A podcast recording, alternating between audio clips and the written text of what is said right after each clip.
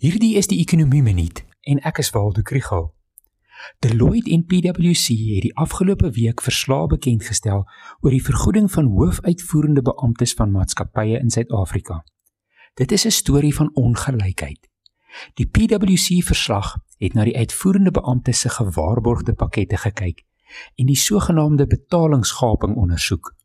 Daarvolgens is die mediaanse salaris van 'n uitvoerende beampte van 'n maatskappy wat op die JSE gelys is, 5,24 miljoen rand per jaar. 'n Tipiese ongeskoolde werker in die maatskappy wat 120 000 rand per jaar verdien, kry dus 1/24ste van die hoof se salaris.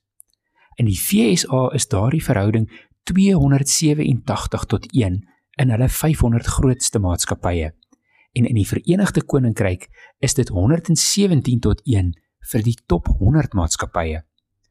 Maar die Deloitte verslag wys daarop dat uitvoerende beamptes tot 2/3 meer inkomste verdien met bonusse en aansporings.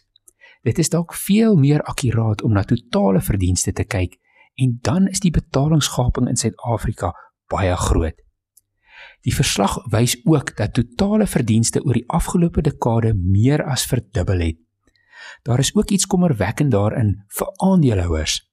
Die verslag wys dat die gemiddelde aandeleprys van sogenaamde small cap of klein gekapitaliseerde maatskappye oor die periode met 32% toegeneem het, maar dat die totale betaling aan uitvoerende beamptes met 200% toegeneem het. As jy meer van die ekonomie wil leer, volg die ekonomie blok.